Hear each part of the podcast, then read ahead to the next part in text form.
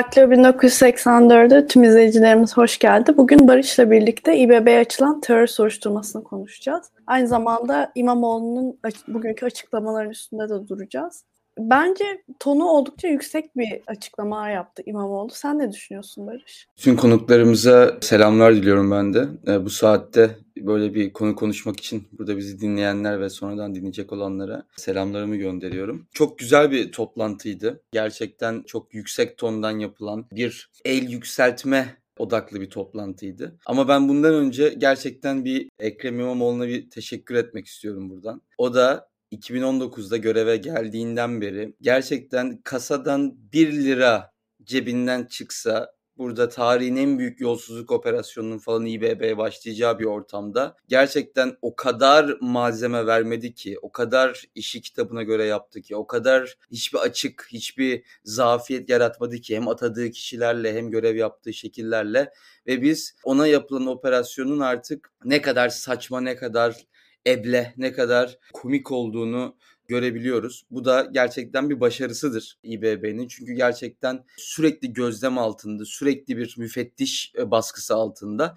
En basit bir hatasında çok güzel bir şekilde medya desteğiyle başka bir noktaya gelebilirdi. Bu olmadı. Aslında bu dava zaten bu terör soruşturması bugün İmamoğlu basın toplantısında da söyledi. Aralık 2021'de Süleyman Soylu çıkıyor ve diyor ki işte 500 küsür terör örgütü üyesi var İBB'de diyor. Bir yılı aşmış neredeyse bir yıl olmuş. Bir yılı biraz aşmış bir durumda. Yeni başlayan bir süreç. Yeni davaya dönüşme aşamasına gelmiş bir süreç. E tabii ki bunun e, bence arka planında yatan olay İmamoğlu'nun zaten hali hazırda ceza verildi. Şimdi bugün de gerekçeli karar açıklandı öğleden sonra.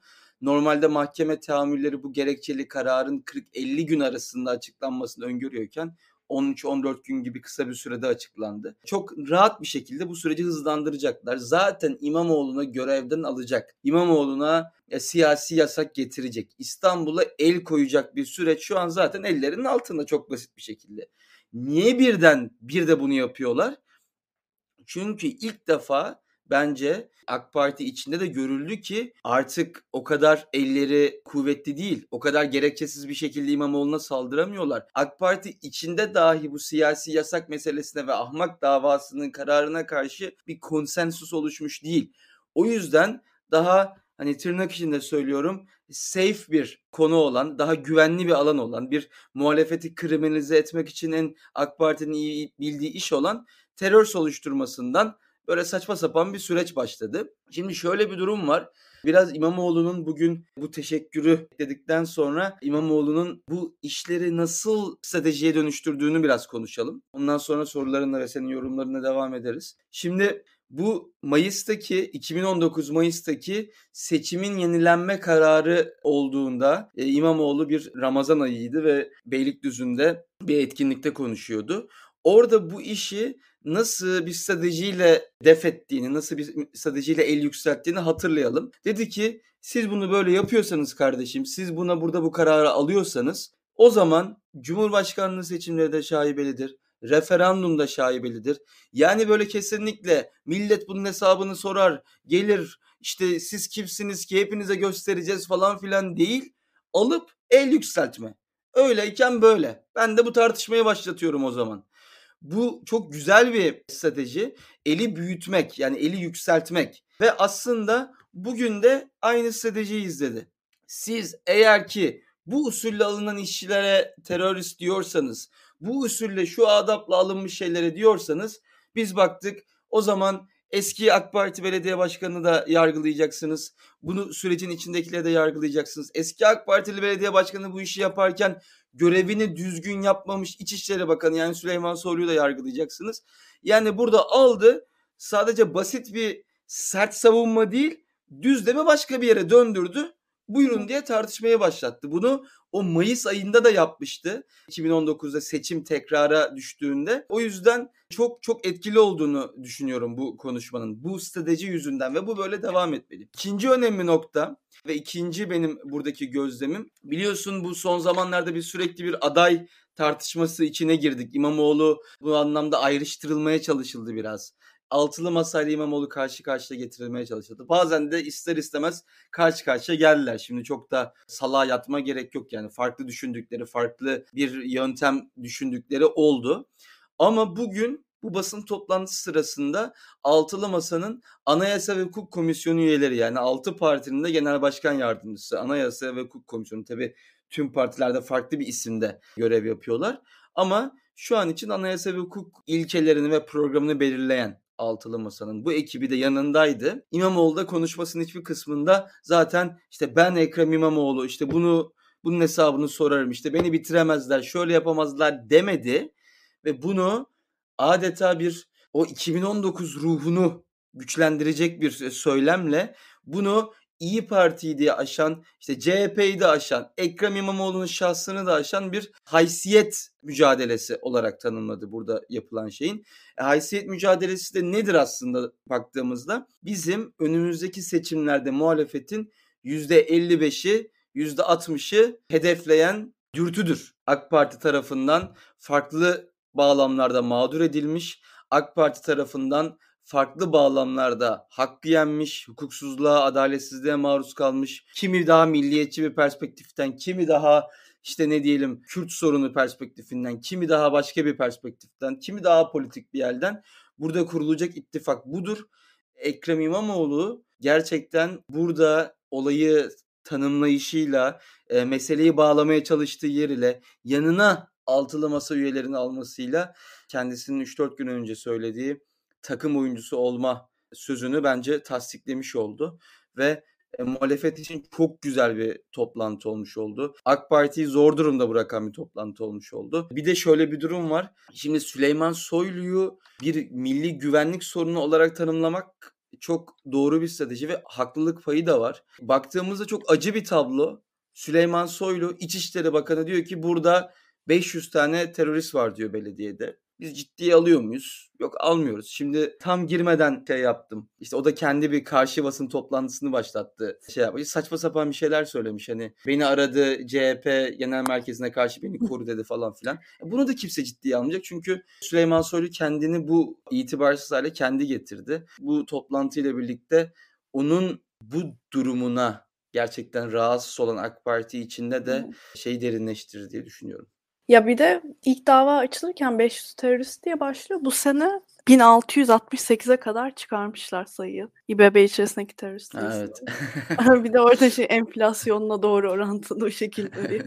ya evet yani Mevlüt Uysal'la Ali Yerlikaya dönemine e, referans vermesi önemliydi. Ben şey de düşünüyorum açıkçası. Yani aslında tam da bildiklerini söylediğini ben düşünmüyorum İmamoğlu'nun. Hani baştan bir trailer gibi olabilir bence şu an söyledikleri.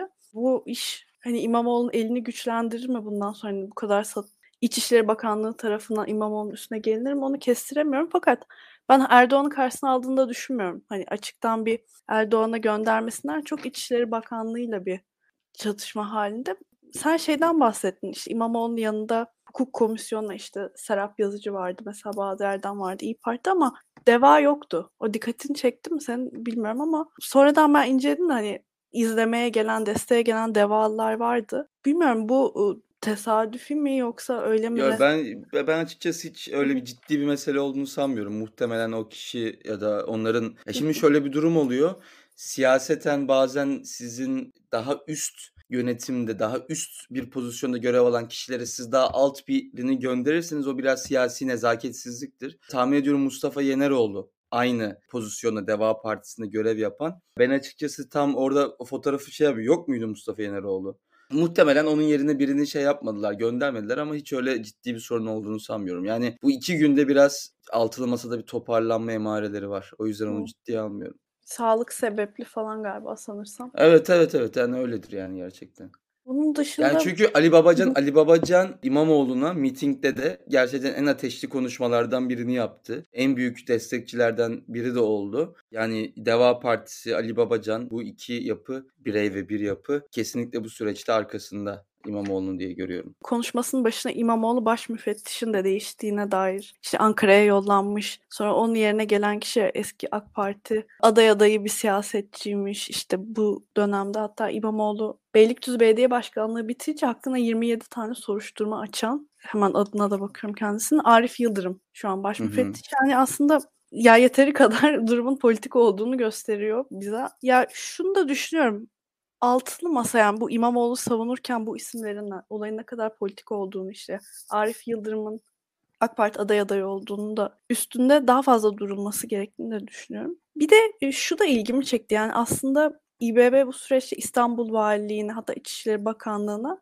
resmi yazıda bulunmuştu. 557 teröristin ismini verin kısmında. Hı hı. Fakat hani bunu siz bizim muhatabımız değilsiniz diye bir dönüş aldığını da söyledi. Sen ne, ne düşünüyorsun? Bundan sonra birazcık da işin propaganda kısmını konuşalım istiyorum. Yani İBB bunu yeterince halka anlatabilecek mi altın masa üyeleri? Yorumları da takip ediyorum ben bir yandan şu an bu yayını izleyen değerli izleyicilerimizin. Onlar da herhalde bu işte el yükseltme sürecinin devam etmesine yönelik bir orada da görüş birliği var. Ben de aynı şekilde böyle düşünüyorum. Bu mesele, bu söylem son derece siyasi karşılığı da olan ve muhalefete de kazandıracak bir söylem. Bu haysiyet mücadelesi ya da yani farklı kavramlarda ifade edebilirsiniz. Ama bu muhalefetin içindeki AK Parti'nin sürekli kaşımaya çalıştığı farklılıkları, muhafazakar seküler hattı, işte Kürt Türk hattı, burada sürekli kaşımaya çalışan hatları onları yok eden bir mesele İmamoğlu meselesi. Bu yüzden zaten kendisi çok net bir şekilde İstanbul Belediyesi'ni kazandı ikinci seçimde. Yani aynı zamanda HDP seçmenlerinin de oyunu aldı. İyi Parti seçmenlerinin de oyunu aldı. Hiçbiri de AK Parti'den de bir sürü oy çaldı ve hiçbiri de ya ben oy verdiğim zaman işte şu partiyle aynı kişiye oy vermiş olacağım. Şu partinin şeyi kazanmış olacak demedi. Oradaki başka bir mağduriyet yani meselenin artık seçimden çıkıp ülkeyle ilgili başka bir kritik sürece evrilmesi bu farkların göz ardı edilmesine vesile oldu seçmenler nezdinde. Şimdi aday kim olur bilmiyorum. Aday kim olur çok açıkçası başka bir mesele, başka bir programın konusu. Ama aday kim olursa olsun muhalefetin bu önemli aktörlerine 2019'da muhalefete başarıyı sağlamış bu önemli aktörlere böyle bir atak, böyle bir saldırı yapıldığının sürekli gündemde tutulması aday kim olursa olsun fayda sağlayacak. Aday kim olursa olsun muhalefete oy getirecek ve aday kim olursa olsun yeniden inşa edilecek Türkiye'nin de şifrelerini oluşturacak ve onun yapı taşını oluşturacak. Çünkü bu söylemlerle bakın şimdi biz bunları konuşmuyoruz ama şimdi öyle bir an gelecek ki biz İyi Parti vekillerinin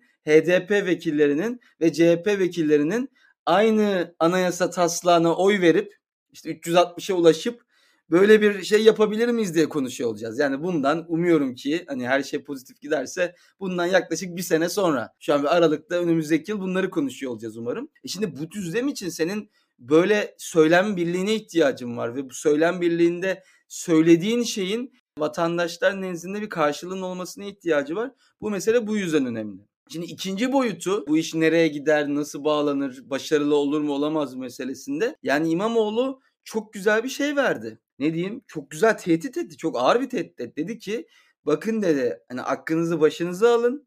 Bu işi deşmeyin, bu işi uzatmayın, geri adım atın. Hatta işte Erdoğan'a da dedi ki bak bu soyluyu görevden al saçmalıyor. Uyarıyorum seni dedi. Yoksa dedi gök kubbeyi başınıza yıkarız. Şimdi bu söylem önemli. Burada başka durumlarda mesela atıyorum İmamoğlu kendi davasında CHP'den diğer partilerden ya onlar istediklerini yapsın biz sandık geliyor kardeşim hepsinin hesabını sorarız gibi bence hani çok da doğru olmayan bir takım stratejiler belirleniyordu. Hani rahat olun siz gibi bir takım mantıklar belirleniyordu. Ama İmamoğlu Şimdi bakalım AK Parti düşünecek. Şimdi topu aldı. Normalde muhalefetin içini karıştırması gereken, muhalefetin böyle elini başının arasına alıp ne yapacağız diye düşünmesi gereken bir mevzu bu dava soruşturma nezdinde. Şu an için ne yapacağız? Devam mı edeceğiz? Allah Allah gök kubbeyi ne yapabilir muhalefet bu anlamda? İşte Süleyman Soylu'yu harbiden eminim birileri şu an diyordur ki ya bu adam saçmaladı bizi zor durumda bırakıyor falan filan alıp böyle bir yansıtma yaptı diyelim e, şey yaparak. E, İmamoğlu bunu iyi yapıyor zaten. O yüzden bakalım görelim ama hani iki tane özet varsa şeyin başında da söylediğim, yayının başında da söylediğim o iki özette birincisi İmamoğlu meseleyi alıp başka bir düzleme taşıyıp işte bu öyleyse şu da şöyle deyip karşı saldırıya geçme taktiğini yine yaptı bu basın toplantısıyla ve ikincisi de bu dava aynı zamanda yani bu soruşturma AK Parti'nin ahmak davasının ne kadar pişman olduğunu, ne kadar İmamoğlu'nu görevden almak için yetersiz gördüğünü de ilan etti. Ama şunu da unutmayalım. Hani böyle pozitif bir tablo çizdim. Şöyle saldırı oldu işte böyle tersine döndürdüler falan filan. Günün sonunda o veya bu şekilde muhtemelen artık İstanbul'a kayyum geliyor. O veya bu şekilde artık buradan geri döneceklerini sanmıyorum. Çünkü kayyumu atamak da onlar için belirli zararları olacak olsa da şu an artık geri dönmek çok daha maliyetli olacak onlar için. İstanbul'a kayyumun geldiğini düşünüyorum. E, siyasi yasak konusunda hala uzun uzun tartışmak gerekiyor. O konuda farklı görüşlere sahibim ama gerçekten bu gök kubbeyi başa yıkma planı da lafta kalmayacağı günler gelebilir muhalefet nezdinde. Bunun planında yapılmalı diye düşünüyorum. Ben de dediklerine katılıyorum. Hem de mesela benim işte asıl soylu hedef aldığı işte atadığı iki kaymakamın FETÖ'den açığa alındığı işte yanındaki İsmail Çataklı'nın kardeşinin işte Türkiye'ye giriş yasa olduğu falan gerçekten ben yani çok sert cümlelerdi. Bakalım bundan sonra bir kayyum atamasının İBB'ye ben de kesin olduğunu düşünüyorum ve bakalım önümüzde daha neler olacak Barış. Diline sağlık. Çok güzel anlattın. Teşekkür ederim ve bizi bu saatte dinleyen dinleyicilerimize de teşekkür ederim ve daha sonradan podcast ya da yayın tekrar olarak dinleyenlere de selamlarımızı göndermiş olalım. Ben de teşekkür ederim. Daktilo 1984'ü izlediğiniz için teşekkür ederiz. Yayınları paylaşmayı ve beğenmeyi unutmayın. Görüşmek üzere.